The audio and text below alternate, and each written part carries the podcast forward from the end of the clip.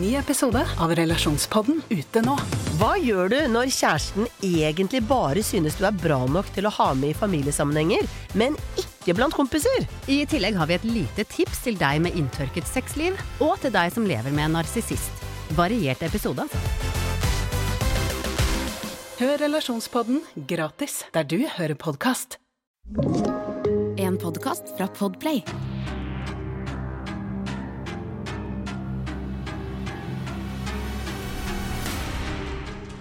Hei og velkommen til Forsyningsfredag podcast. Denne episoden kan være veldig skremmende for enkelte lyttere, så dersom du er sensitiv til informasjon om seksuelle overgrep og drap, så vil jeg anbefale deg å lytte til episoden med en voksen du stoler på, eller skru av.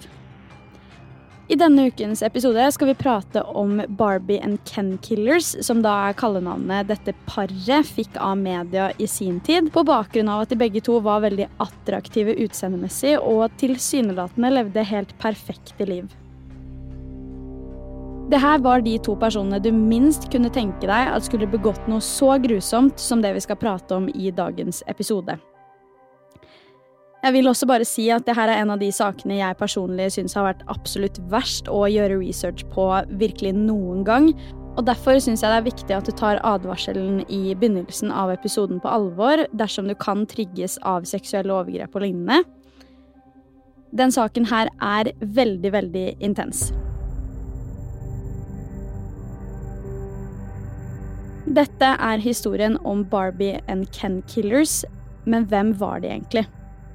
Jeg skal gi deg litt nærmere innblikk på hvem de var hver for seg, og vi kan begynne med Paul Bernardo. Paul Kenneth Bernardo ble født 27.8.1964 i Scarborough i Canada. Han var også yngst av tre søsken. Han hadde mørkeblondt hår og lyseblå, nydelige øyne. Fra utsiden så familien hans fryktelig velstående ut og med veldig god økonomi, men Paul kom egentlig fra en veldig trøblete familie og har nok en veldig veldig traumatiserende oppvekst, ettersom at faren hans ble dømt for seksuelt overgrep mot et barn i 1975. Angivelig skal han også ha misbrukt sin egen datter. Da faren til Paul ble dømt, så var Paul bare ni år gammel, men det forklares at Paul virket relativt lite brydd av akkurat den hendelsen her, noe jeg personlig syns er veldig merkelig, kanskje spesielt tatt i betraktning alt som skal skje senere. Moren på den andre siden var veldig påvirka av alt ektemannen hennes holdt på med, og valgte dermed å trekke seg helt unna. Faktisk så mye at hun heller flytta inn i kjellerleiligheten i huset i stedet for å bo sammen med mannen sin.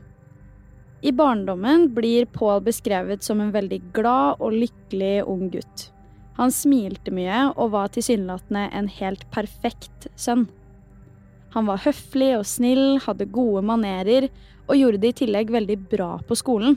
Etter hvert begynner Paul på Sir Wilfrid Laurier Collegiate Institute, før han etter hvert begynner på universitetet i Toronto Scarborough i 1982. Her studerer han faktisk for å bli regnskapsfører. Samtidig som han går på universitetet, er han også nødt til å ha en jobb ved siden av, så han skaffer seg en jobb på Amway som selger, hvor han visstnok hadde brukt veldig mye penger på typisk sånne TED Talk-kassetter og bøker av typen 'bli rik og kjent', sånn som det her. Det her hadde han visstnok en besettelse på. Han skulle liksom bli rik en dag. Paul beskrives også som en fyr som er vanvittig god i jobben sin som selger. Som 16-åring blir Paul fortalt av moren sin at han ble unnfanget da hun var utro mot faren. Det han tenkte at var hans biologiske pappa, skulle vise seg å ikke være det allikevel. Dette fikk ingen positiv reaksjon fra Paul, som du helt sikkert kan se for deg, så nå mista han all tilliten han hadde til foreldrene sine, og det er nå oppførselen hans begynner å endre seg drastisk. Nå begynte han å skjelle ut moren sin til stadighet, og ble på generelt grunnlag mye mer aggressiv i måten han prata på. Som nevnt var dette perfekte livet kun en fasade. På baksiden av medaljen hadde nemlig Paul begynt å utvikle en del seksuelle fantasier i tillegg, som han lot gå veldig utover de som han var sammen med opp gjennom åra, bl.a. ved fysisk vold. Det er nok ikke urimelig å anta at dette kom som et resultat av traumene hans fra barndommen, tatt i betraktning alt faren hans drev med.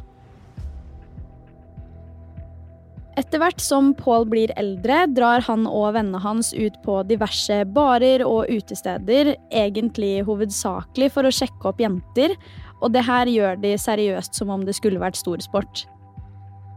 Paul alene var jo en veldig kjekk og sjarmerende type som åpenbart også hadde et par triks opp i ermet gjennom jobben, ettersom han fremdeles jobba som selger på tidspunktet. 17.10.1987 møter Paul imidlertid Carla Homolka, som han fikk en umiddelbar connection med. De to møttes på en hotellrestaurant i Scarborough etter at Carla hadde jobba på en sånn kjæledyrkonferanse gjennom jobben sin. Paul forklarte at Carla skilte seg veldig mye ut fra alle de andre jentene han hadde vært borti før. Hun var nemlig interessert i den sadistiske siden hans, og lot han egentlig holde på akkurat som han ville. Paul har beskrevet Carla som en veldig typisk yes-girl, som rett og slett var med på alt han måtte finne på, og det vekket oppmerksomheten til Paul veldig. Ha også i bakhodet at på tidspunktet var Paul 23 år, mens Carla var bare 17. Det ender opp med at disse to prater sammen i det som føles ut som en evighet, helt frem til restauranten stenger. De drar da omsider opp til Carlas hotellrom, og det ene førte til det andre, så du kan jo gjette hva som skjedde videre. La meg fortelle dere litt mer om Carla Homolka. Carla Leanne Homolka ble født 4. mai 1970 i Mississauga i Ontario i Canada. Hun var også den eldste av tre søsken, og Carla hadde også blå øyne og blondt hår på denne tiden, akkurat som Paul. Til forskjell fra Paul så er det vel egentlig ingenting i Carlas tilfelle som skal tilsi at hun har et mørkt sinn. Hun var kjent som en jente som var veldig godt likt, populær, pen og smart jente, som også elsket dyr. Kjærligheten hennes for dyr gjorde også at hun hadde en deltidsjobb på tidspunktet hvor hun jobba i dyrebutikk, og rett etter videregående begynte hun å jobbe hos en veterinær. Da Carla ble kjent med Paul, var det som sagt en umiddelbar connection mellom de to, og det endte opp med at Paul bodde mer hjemme hos Carla og familien hennes enn sin egen. Familien til Carla virkelig elsket Paul, og de hadde alle sammen et veldig, veldig godt forhold til hverandre. Paul blir av familien til Carla beskrevet som den perfekte svigersønnen og som perfekt for datteren deres. Som dere skjønner, så var det nok mye som skjulte seg bak den perfekte fasaden. Da dette radarparet møtes i 1987, kan man trygt si at ting begynner å skje. Paret innleda ganske tidlig det vi kaller et sadomasochistisk forhold, hvor Paul fungerte som en veldig dominant person, mens Carla var en submissiv en. Dette var nok faktisk også med på å fyre opp under det det paret her etter hvert skulle bli kjent for. Enkelte kilder skal ha det til at Carla visste om Pauls mørke sider fra før av, og at hun var med på å muliggjøre fantasiene hans i årene de to hadde sammen. Som nevnt så blir hun jo beskrevet som en yes-girl. På våren i 1989 er Carla ferdig på videregående, og det er faktisk nå vi får et skifte i hvordan stemningen er i forholdet mellom hun og Paul. Veldig lenge har Carla kun prata positivt om Paul, lagt frem forholdet deres helt perfekt og skrytt han opp i skyene. Men nå var det noe helt annet som faktisk ble så ille at hun valgte å si det til de rundt seg. Carla forteller nå til vennene sine at Paul har begynt å være skikkelig stygg med henne verbalt, samtidig som hun alltid tilga han for ting han sa og gjorde etter en krangel. Paul dukka da ofte opp med blomster og lignende for å gjøre opp for feilene han hadde gjort, selv om feilene hans var så store at de absolutt ikke burde tilgis. Det er rapportert om flere tilfeller hvor han har vært fysisk voldelig mot Carla, og hun har endt opp med blåveis på begge øynene sine. I desember 1989 drar Paul og Carla på kjærestetur til Niagara Falls, og det er også her Paul ender opp med å fri til Carla, selv etter alle opp- og nedturene de hadde hatt den siste tiden. Carla ender utrolig nok opp med å si ja, og blir fullstendig over seg av begeistring. Og det samme blir familien hennes, som fremdeles elska Paul, for Carla hadde jo ikke fortalt dem noen ting om de mørke sidene som hadde utvikla seg i forholdet deres. Hun ville jo ikke ødelegge deres inntrykk av hvordan Paul var, som dessverre sier mye om hvordan forholdet deres gikk. Uavhengig av det går hun med på å gifte seg, og det er jo ikke akkurat en ukjent sak at man kan bli litt blind og kun se de fine sidene når man er i et destruktivt forhold. En ting som er veldig verdt å notere seg her, er at helt siden 1987 hadde det gått en serievoldtektsmann rundt i Scarborough som politiet enda ikke hadde funnet på tidspunktet av forlovelsen til Carla og Paul. Siden 87 hadde det blitt rapportert om flere tilfeller hvor kvinner som hadde vært ute på løpetur, hadde blitt overfalt av en ung, blond mann bakfra, og beskrivelsene av overfallene og overgrepene som tok sted, blir beskrevet som både sadistiske og grove.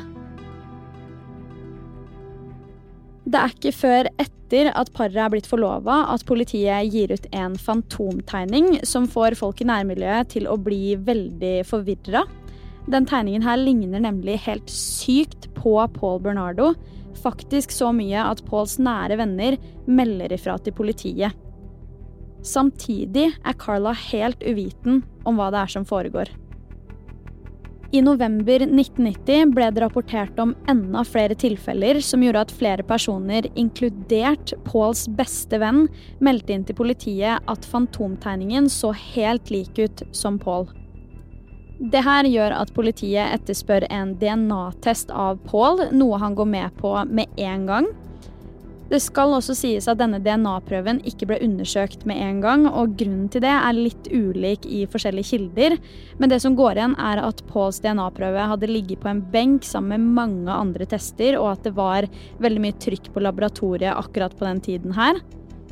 I tillegg så er det jo ikke til å stikke under en stol at teknologien på den tiden her ikke akkurat var like utvikla som hva den er nå, så ting tok naturligvis mye lengre tid enn det ville gjort nå. Underveis mens Carla og Paul er forlova, forklarer enkelte kilder at Paul angivelig skal ha blitt lei av Carla og ønsket å prøve seg på lillesøsteren hennes Tammy for å kunne bli tilfredsstilt seksuelt. Enkelte kilder skal ha det til at Carla ble veldig lei seg av utsagnet fra forloveden sin, da han visstnok hadde sagt at han ville ha noe Carla ikke kunne gi han, som da var en jomfrudom. Angivelig skal Carla ha svart at hun gjerne ville gi jomfrudommen til søsteren sin i julegave til forloveden sin, og helt ærlig, da jeg leste det her, så ble jeg fysisk kvalm.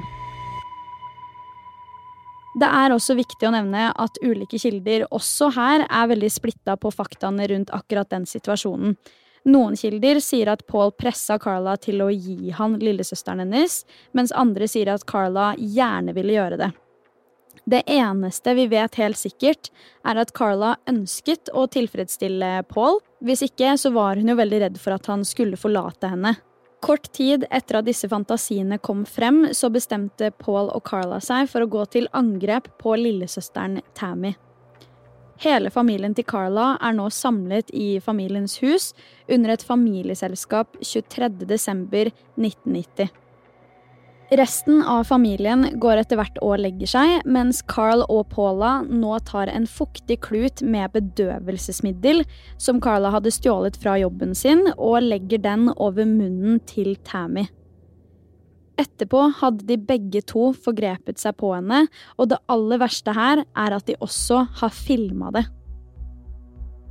Det er uklart hvorvidt Carla ble tvunget til å forgripe seg på søsteren sin eller ikke, ettersom det er flere kilder som nok en gang sier forskjellige ting.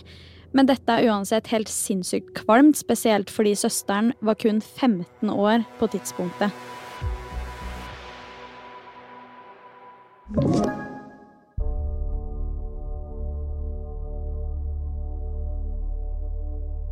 Det tar ikke lang tid før Tammy får en fysisk reaksjon og begynner å kaste opp, og det gjør da selvfølgelig at Paul og Carla får fullstendig panikk og forsøker å slette spor før de omsider ringer etter hjelp. Tammy blir henta i ambulansen og hastekjørt på akutten, men overlever dessverre ikke angrepet hun ble utsatt for. Tammy Homolka blir erklært død på sykehuset, og selv om de ansatte bemerka seg en rar kjemisk brannskade i ansiktet, så ble uansett dødsårsaken skrevet som en ulykke på bakgrunn av alkoholforgiftning. Dette er dessverre bare starten på et evigvarende mareritt. 29.6.1991 var et par ute og padla i kano i Lake Gibson da de finner noen betongblokker. Disse blokkene ender opp med å bli undersøkt av etterforskningsteamet, og der kommer de frem til at blokkene inneholder kroppsdeler fra et menneske. Disse kroppsdelene skulle vise seg å tilhøre 14 år gamle Leslie Mahaffey, som hadde forsvunnet 15.6 samme året. Dette er for øvrig også samme dag som Paul og Carla gifter seg. Sannheten bak forsvinningen til den uskyldige 14 år gamle jenta var at hun hadde blitt kidnappet av Paul Bernardo og holdt fanget hjemme hos han og Carla, misbrukt over flere dager og deretter blitt brutalt drept.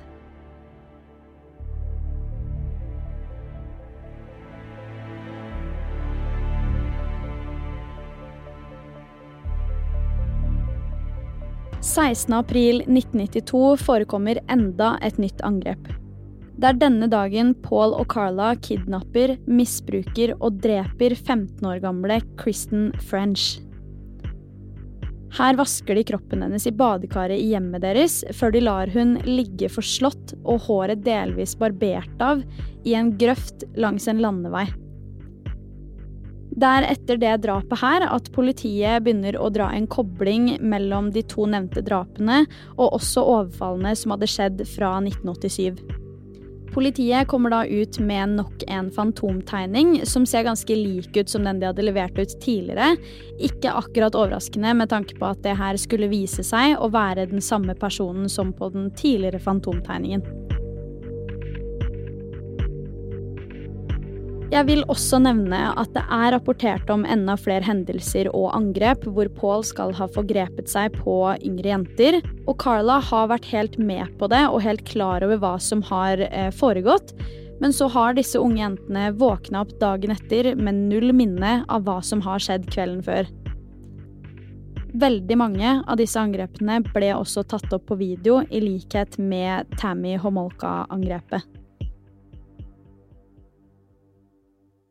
I januar 1993 bestemmer Carla seg for å skille seg fra ektemannen sin, etter at han har misbrukt henne også, både fysisk og psykisk, over tid.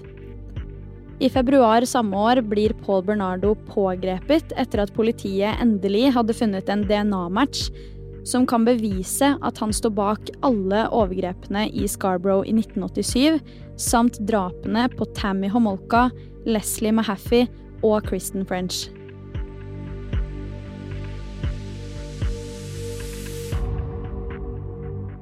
Det som er veldig interessant her, er at eh, politiet gikk til Carla umiddelbart for å avhøre henne så fort de kunne. Innledningsvis trodde faktisk Carla at hun egentlig skulle bli avhørt på bakgrunn av angrepet som mannen hennes hadde utsatt henne for i januar samme året, men det ble hun altså ikke. Dette resulterer naturligvis i en enorm panikk hos Carla, hvor hun da ender opp med å fortelle absolutt alt som har skjedd til familien sin, og da får hun råd om å ansette en advokat eller forsvarer, så det gjør hun med en gang. Angivelig skal hun ha også sagt til advokaten sin at hun gjerne vil vitne mot da eksmannen sin, i bytte mot en mildere straff. Hun hevder også at Paul har fortalt henne at han har voldtatt totalt over 30 forskjellige kvinner. I denne fasen her så fremstilte Carla seg som en veldig uskyldig jente, og nesten som enda et offer av eksmannen sin. Og i starten så var dette også noe som retten falt for. Det var frem til videoene av de kriminelle handlingene kom frem og ble en helt essensiell del av saken.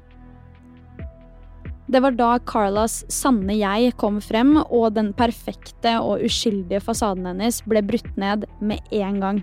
Disse videoene var utrolig nok også et bevis som Carla selv la frem for politiet, og forklarte at de lå i huset til Paul, og at de ville kunne domfelle han. Det tar faktisk så lang tid som 71 dager fra politiet begynner letingen etter opptakene, og til de endelig finner de. Dette er bevisene som skal vise både Pauls og Carlas involvering i angrepene.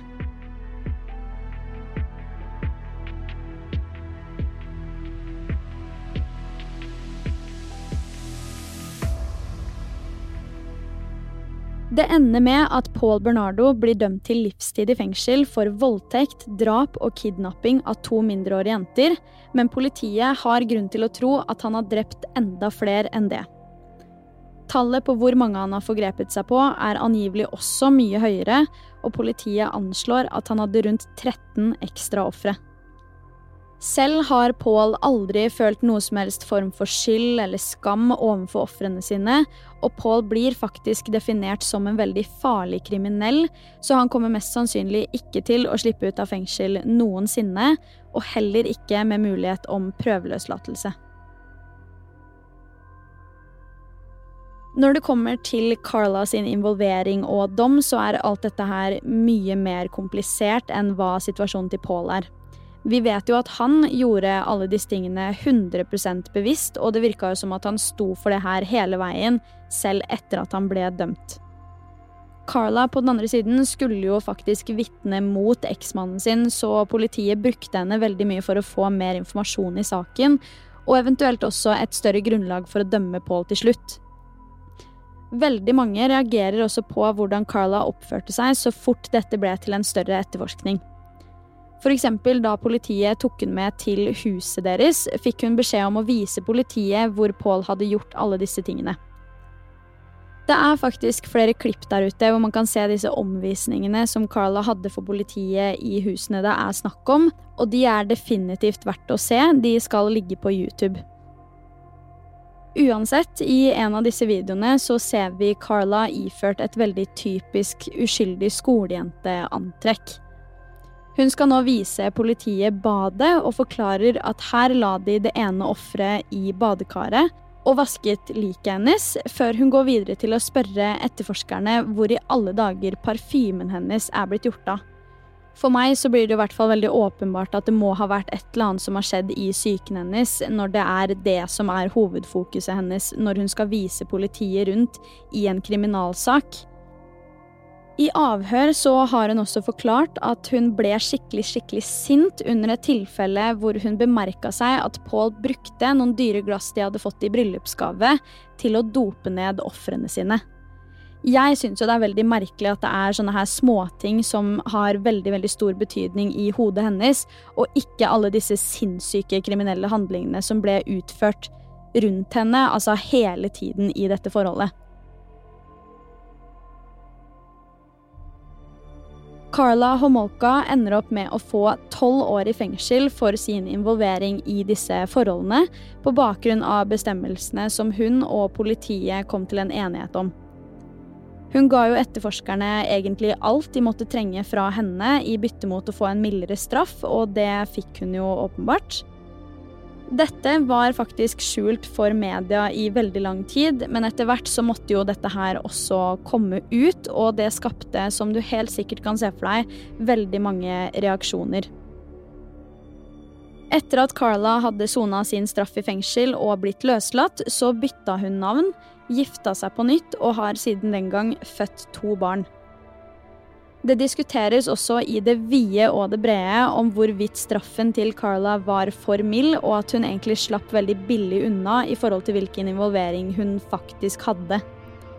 Mange mener jo at hun var like syk i hodet som det eksmannen hennes var, Og det sies også at foreldrene som har barna sine på samme skole som Carla har sine, konstant går med en klump i magen og syns det er sykt at en person som henne kan gå fritt rundt i Canada til dags dato.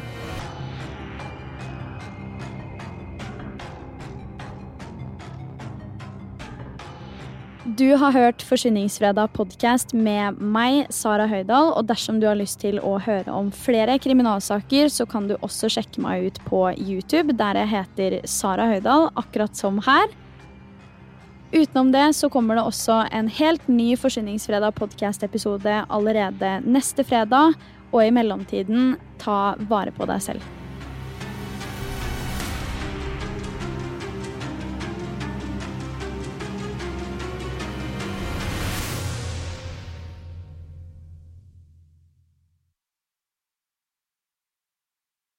Du har hørt en podkast fra Podplay. En enklere måte å høre podkast på. Last ned appen Podplay, eller se podplay.no.